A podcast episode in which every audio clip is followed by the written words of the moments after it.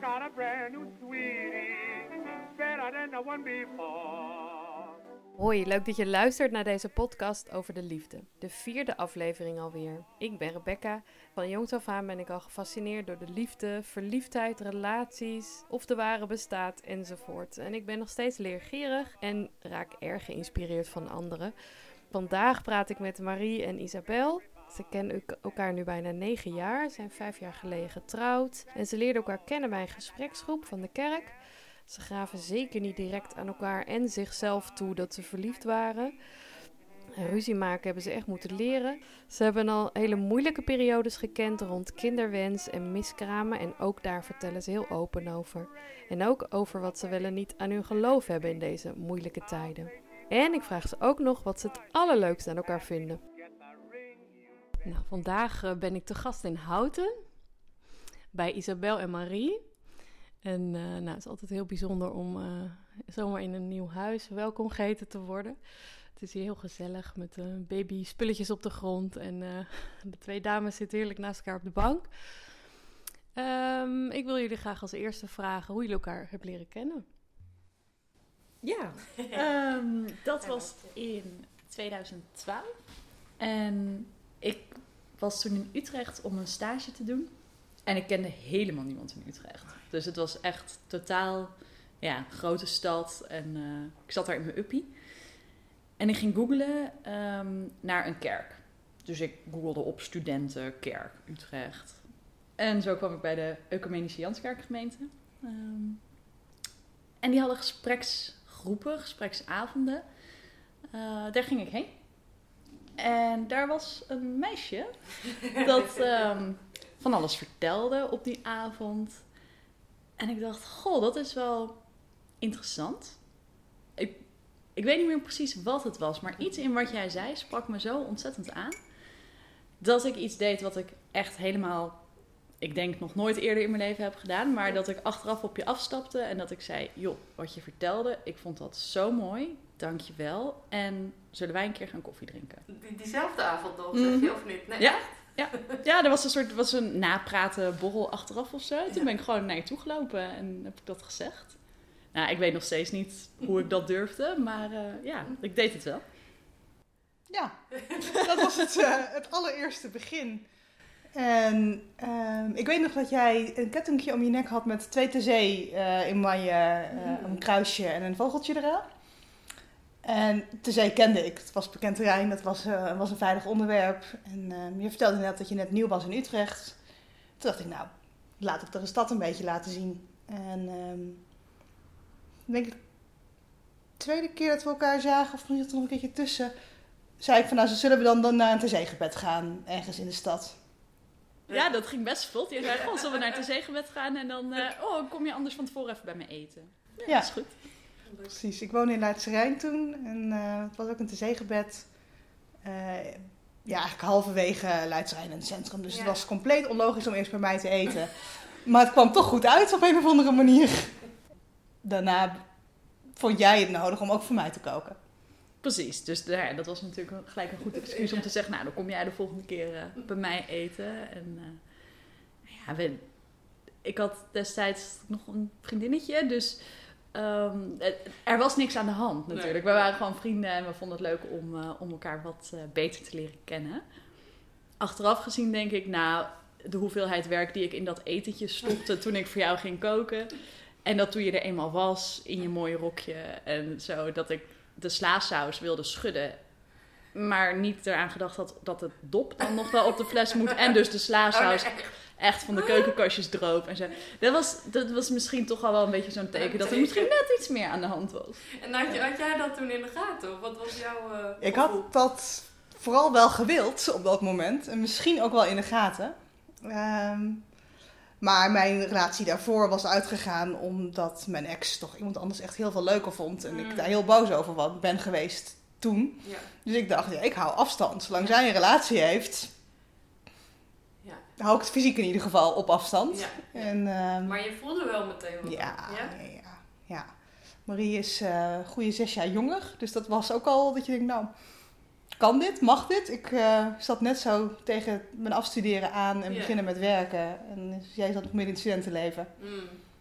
Dus, eh, ik heb rationeel een hele goede poging gedaan om toen wat afstand te houden. Ja. En, eh, dat lukte voor een paar weken nog wel eventjes. Ja, we, we zijn best nog een, een, ik denk echt wel een tijdje, ook nog wel wat langer dan die paar weken, een beetje in de ontkenningsfase geweest.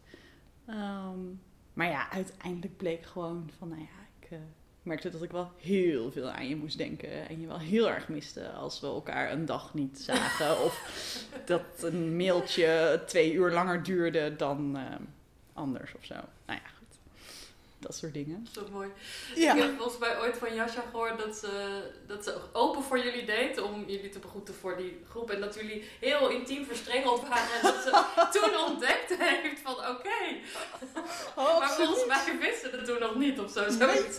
Nee, het was nog heel erg eh, sneaky en geheim, Ja, dachten wij. ja. Dat was nog bij het oude pand in een rustig straatje. Dus wij dachten nog net even ongezien in het donker. Voor de deur elkaar eh, goed te kunnen begroeten. Leuk. Ja. Dus het groeide eigenlijk vanaf toen wel eh, vrij Ja. vlot. Ja. Het is toen vrij vlot gegaan en ik ehm, was dus bijna klaar met mijn afstudeerstage en ik ging werken. En jij was bijna klaar met je stage in Utrecht en moest terug naar Groningen. Ah ja. Toen hebben we een half jaar de afstand eh, Utrecht-Groningen gedaan. En ik kreeg een eerste baan eh, voor het gemak in Eindhoven. Oh ja. Dus ik herinner me Oh. nog de vrijdagavonden dat ik om vijf uur zo snel mogelijk wegrende van mijn bureau om van Eindhoven naar Groningen te rijden. Ja. En dan een weekend zo lang mogelijk eh, in Groningen te kunnen zijn. Ja. Het mooie is ook weer het verlangen naar elkaar, denk ik, als je zo Ja. ver van elkaar woont. Hebben jullie dat als een mooie tijd ervaren? Of? ja, allebei wel. Ik vond het heel lastig door de week dat we elkaar weinig zagen. En nou, we zijn allebei niet zo'n gigantisch fan van bellen. Deden we toen, zeker van mijn doen, voor jou doen denk ik ook, best veel. Ja, Zeker. Ah, ja, ja. Maar nog steeds Een heel ander medium. is dat toch wel echt heel anders. Dus dat was door de week af en toe best pittig. Ja. Maar het fijne was wel dat we de weekenden echt volledig voor elkaar reserveerden. Zo'n beetje om en om in Groningen en Utrecht. Een beetje afhankelijk van hoe het uitkwam. Ja, en dan was er ook niks anders wat we hoefden. Dat, dat hielden we wel buiten die weekenden. Ja, ja. Dus wat dat betreft was het een hele intensieve periode. Ja, hè. ja. Steeds die weekenddagen toch echt samen te hebben en te zijn. Natuurlijk sowieso zo'n eerste tijd dat je elkaar nog helemaal moet leren kennen. Ja. En eh, helemaal houten de boter verliefd bent en zo. Dus Kan je je herinneren wat, wat, wat de ander zo leuk maakte of waarom je verliefd was? Wat, wat het, jij zei ze praten interessant, maar wat was het? Ja, ik denk dat er best veel herkenning was op dat moment ook. Gewoon in een stukje persoonlijke geschiedenis en hoe je in het leven staat en zo. Dus dat, dat daar heel erg een klik op was. Maar ik vond het gewoon super mooi dat jij daar gewoon in al je openheid en eerlijkheid en ehm, ja, gewoon ook vanuit een soort spontaniteit of zo. Je bent zo heel erg jij.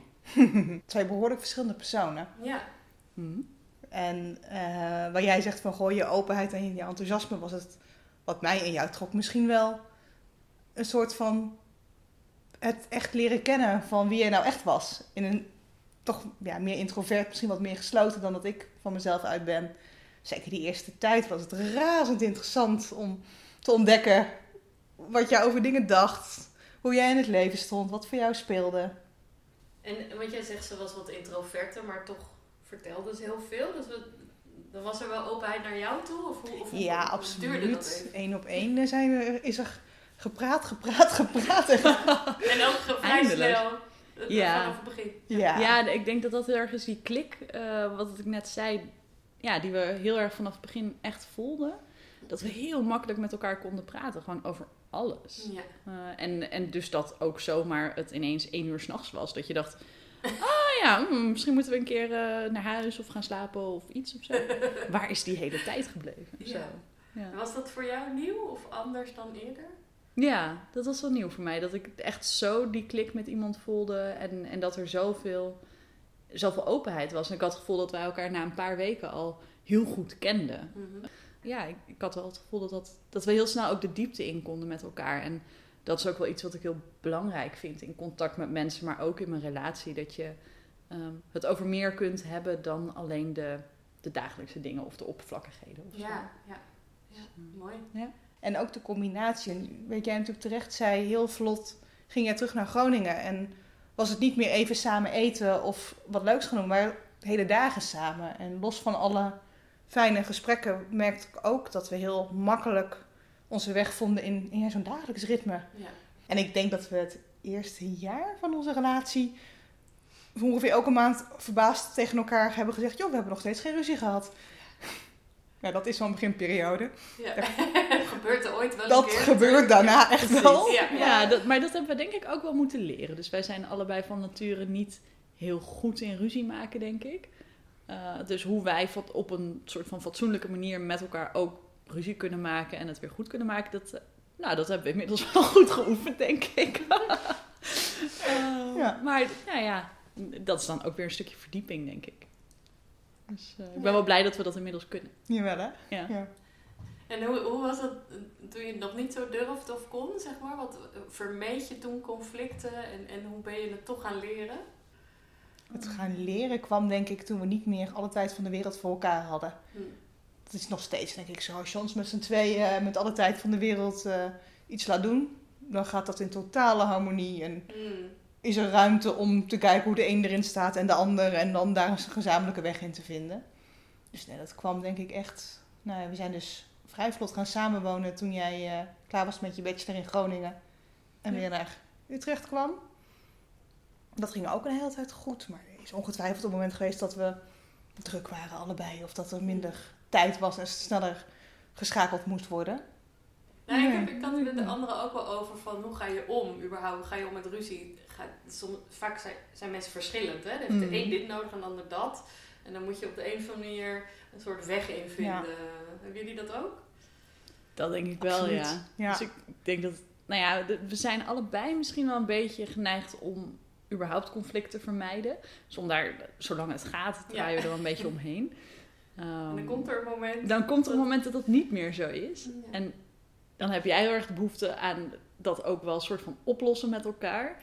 En mijn eerste neiging is om me heel erg terug te trekken. Dus ik, Mm. ik sluit me dan heel erg af en dan kan het me allemaal niks meer schelen. Ja. Zeg ik dan. Ja. Ehm, is niet waar. ja. Maar dus, en dat botst dan wel eens inderdaad. Ja. Omdat het gewoon echt inderdaad twee totaal verschillende behoeftes zijn. En jij hebt dan gewoon ook even tijd nodig voor Ja. jezelf. Zeker. Eh, en ik merk inderdaad dat als ik die dan ook even heb, dan zakt het ook allemaal weer een beetje. En dan denk ik, ah ja, oké, nou, dan moeten we misschien toch maar over praten. En dan, eh, dan praten we erover. En dan, eh, En, en jij hebt geleerd haar te laten in het terugtrekken? Of? Zo goed en zo kwaad Ja. als dat gaat. Het is nog steeds niet mijn allersterkste kant. Nee, nee, want je- het liefst wil jij praten. Praten, verbinding zoeken, Ja. kijken wat er aan de hand is. Ja. Ja. Ja, oh ja. Ik denk dat jij me daar best wel een eind tegemoet bent gekomen intussen. En dat ik inderdaad ook wel steeds beter weet van nou, laten we maar even. Komt zo goed. Komt. Ja, ja. ja dan- je krijgt ook vertrouwen in als het een aantal keer goed is gegaan. Ja. Of als je, ja. Ja. Ja.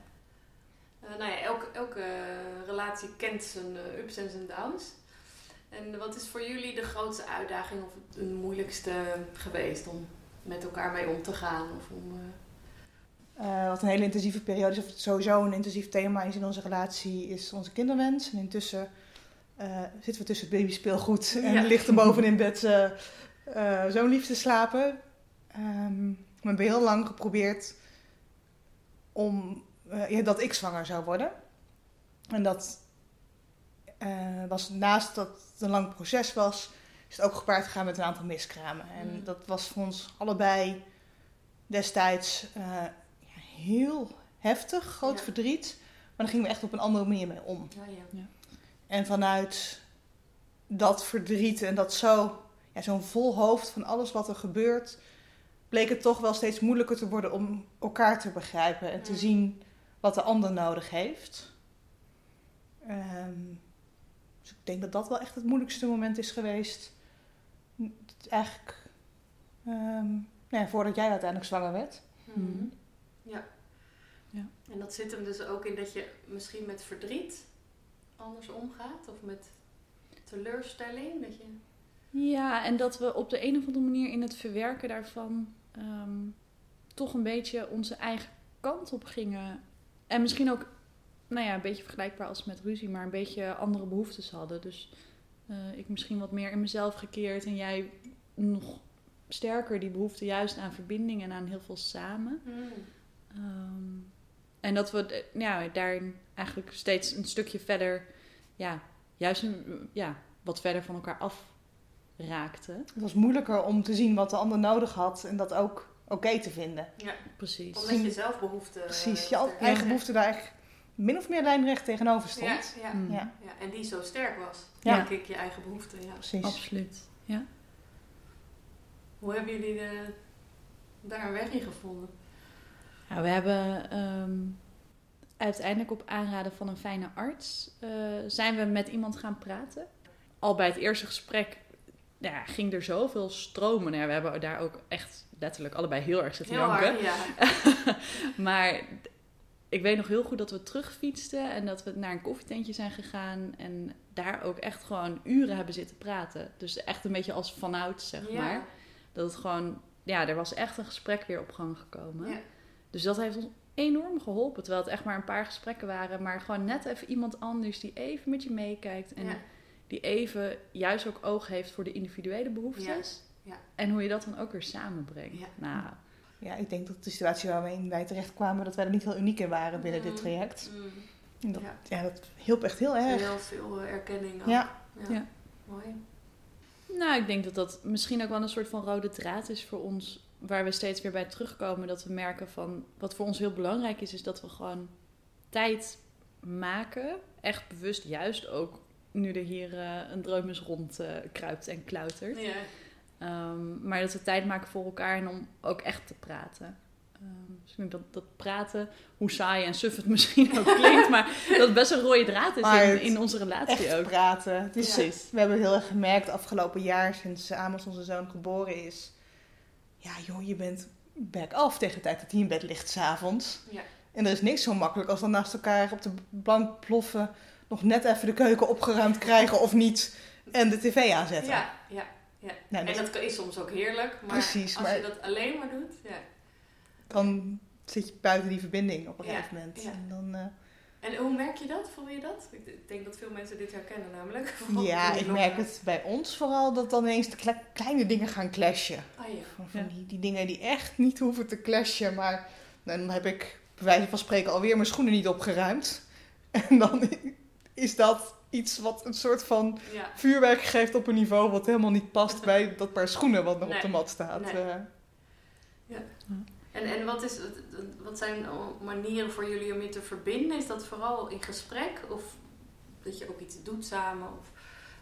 Wat denk ik wel voor ons heel belangrijk is, ook gewoon in, in het dagelijks leven en thuis, is eh, ook gewoon wel humor. Hmm. Dus gewoon allemaal van die, van die stomme insiders grapjes, die wij dan heel hilarisch vinden. En nou ja, weet je, dat je gewoon ook echt met, met elkaar kan lachen, maar ook om elkaar en, en nou ja, om de dingen die er gebeuren. Dus, en dat is ook wel een teken dat als het wat minder soepel loopt, Ah, dat, ja. dat de humor eruit Oh is. ja, En dus dat een grapje van een ander, dat dat dan leidt tot ruzie. In plaats van dat je samen even kan lachen. valt niet En- goed. Ja, Ja, ja, precies. ja. Dat je denkt, nou... Ja. Ja. Ja, want een van mijn vragen was, hè, van wat is jullie geheime ingrediënt in jullie liefde? Wat, wat, eh, wat, nou ja, wat maakt dat het goed gaat tussen jullie? Dat is dus humor deels. En zeker. onze eigen gorddroge. Ik denk voor een buitenstaander hele flauwe humor. Ja? Ja, Ja. ja ik, ik denk inderdaad echt wel humor en ehm, Maar ook die gesprekken dus. of- ook de gesprekken. Ja. absoluut. En dat dat dus gewoon nog steeds leuk is. Dat we, nou ja, we zijn nu bijna vijf jaar getrouwd en echt al wel wat langer samen. Maar ik heb echt nog steeds het gevoel dat ik nog lang niet uitgepraat ben met jou. Oh ja. En ik heb het gevoel dat ik dat over 80 jaar nog zou denken. Mm. Dat we dan gewoon nog steeds met elkaar kunnen praten. Nou ja, en lachen. Ehm, maar gewoon over alles. Over onszelf en de wereld en wat er gebeurt in het leven. En- Ja. Kijk elkaar lief aan. Soms Ah. moet je even iets eh, erbij zeggen, want ze zien Ja. natuurlijk niks. Ja, nee, dat mooi. is waar. Hebben, hebben jullie nog een ander geheim ingrediënt? Of zijn dit de belangrijkste? Ja, en, en een hele praktische is dat we gewoon heel lekker functioneren als team.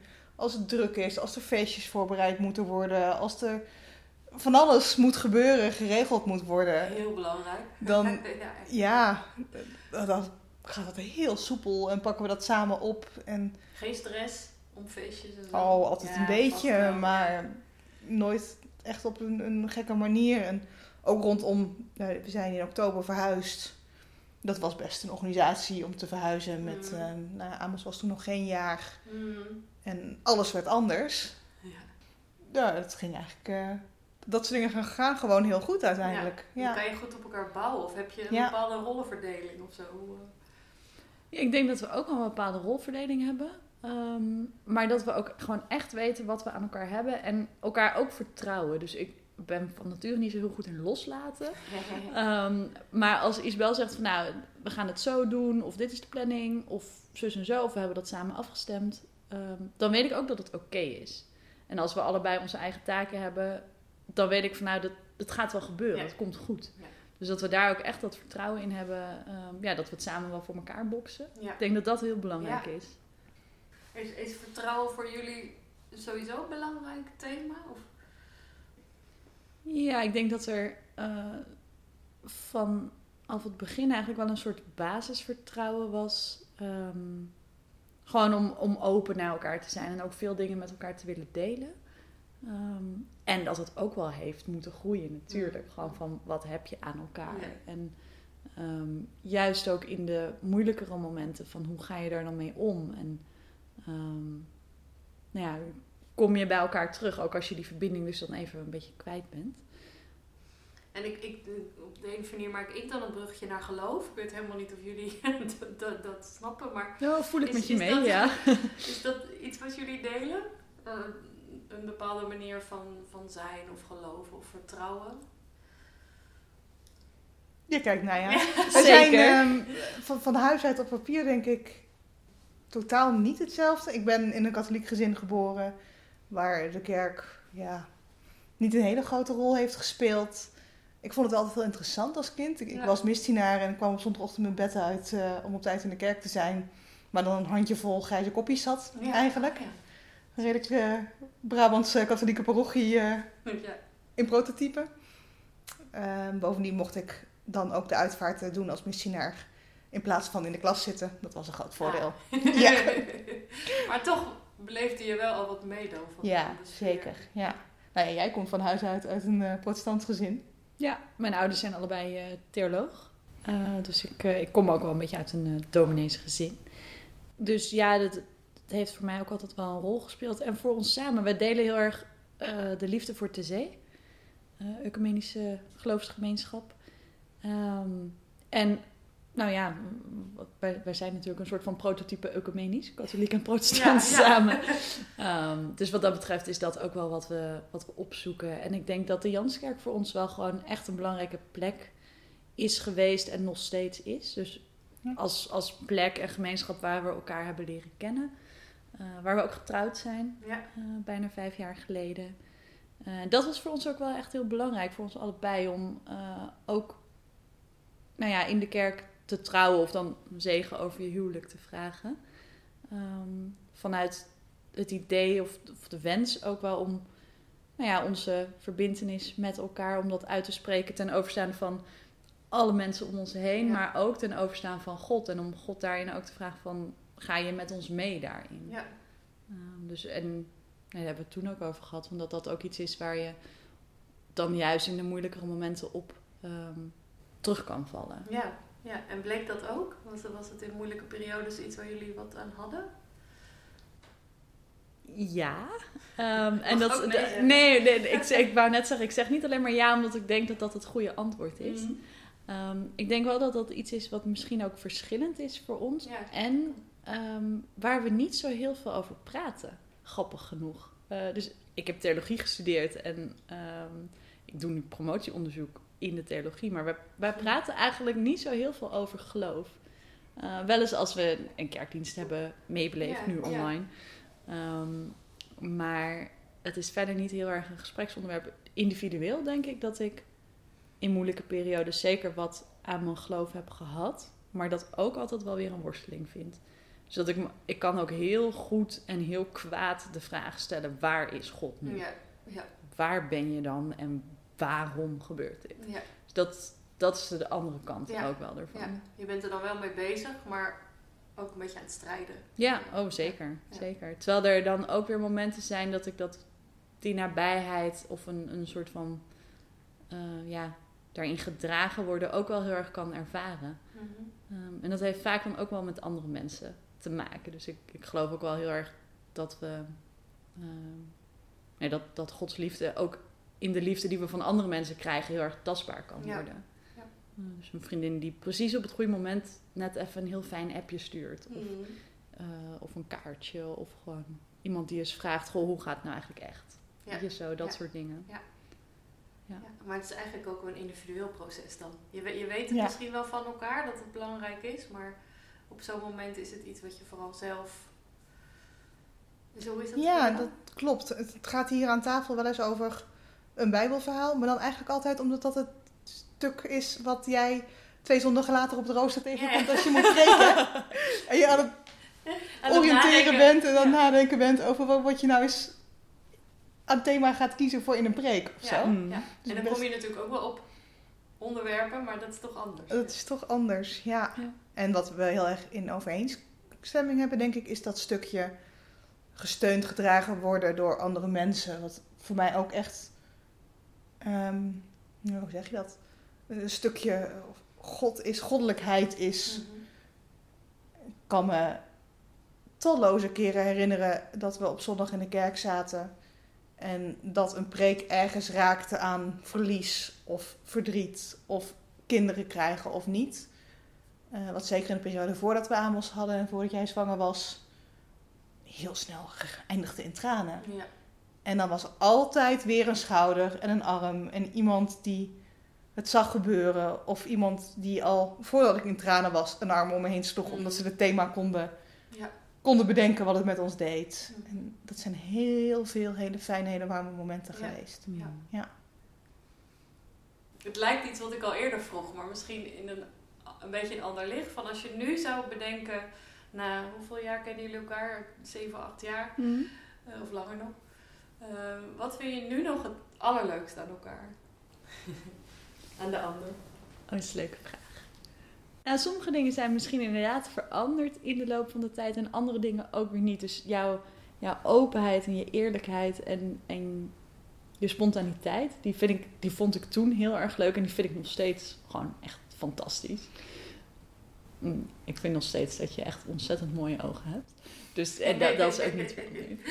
Ehm, wat nieuw is, is dat ik heb ook nu van heel dichtbij gezien wat een ontzettend leuke moeder jij bent. Mm. En hoe leuk je bent met Amos. En ehm, nou ja, hoe jullie samen spelen en, en dingen ontdekken en doen. En, ja, dat, is, dat is een hele nieuwe kant van het afgelopen jaar. En ja, superleuk is dat. Ja. Nou, ik denk dat dat laatste punt echt heel herkenbaar is. Mm. Ik kan echt smelten als jij weer iets verzonnen hebt om met Amos het zo op die manier te doen dat in plaats van dat het één groot drama wordt omdat hij wat anders wil, dat hij helemaal in jouw enthousiasme meegaat en ja, om het heel concreet te maken. Het zijn echt hele dagdagelijkse dingen. Hij speelt het allerliefste met de rekjes van de vaatwasser. Dus zodra de vaatwasser open gaat, kruipt hij er Hup. meteen naartoe. En als je dan de vaatwasser weer dicht doet, wordt het brullen. Ja. Want ja, je pakt zijn speelgoed af. En als jij dan op de grond gaat zitten met hem en er een heel half toneelstuk van maakt om samen, dat hij je kan helpen, dat jullie sterk genoeg zijn om die vaatwasser weer goed dicht te krijgen.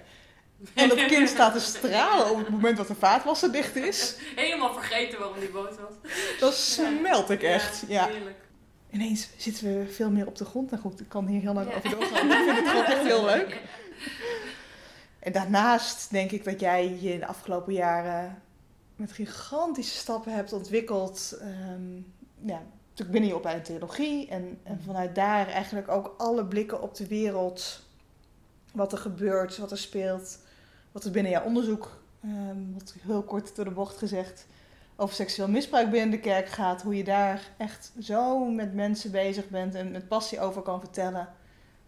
Ja, je bent zo leergierig en sterk. En ik zie hoe je door alles heen slaat. Het is fantastisch om te zien. Hmm. Mooi. En daarbij nooit de mensen om je heen uit het oog verliest. Dat, eh, je, je redt me ook altijd. Ze is ook altijd degene die op tijd aan verjaardagskaartjes denkt. dat soort dingetjes, ja, dat is altijd handig als een van de twee dat kan. hè. Zeker. Ja, leuk. Misschien moet je dat weer uitknippen, want alle mensen die nu dus te laat een verjaardagskaartje krijgen, die denken, Nooit hebben gehad. die denken, oh nou weet ik bij wie ik moet zijn. Ja. Ja. Nou, volgens mij hebben we wel eh, zo mooi eh, afgerond, toch? Prachtig. Heel erg bedankt voor jullie Graag gedaan. openheid en eh mooie Nou, verhaal. Jij ook bedankt eh, voor de vragen en voor het leuke gesprek.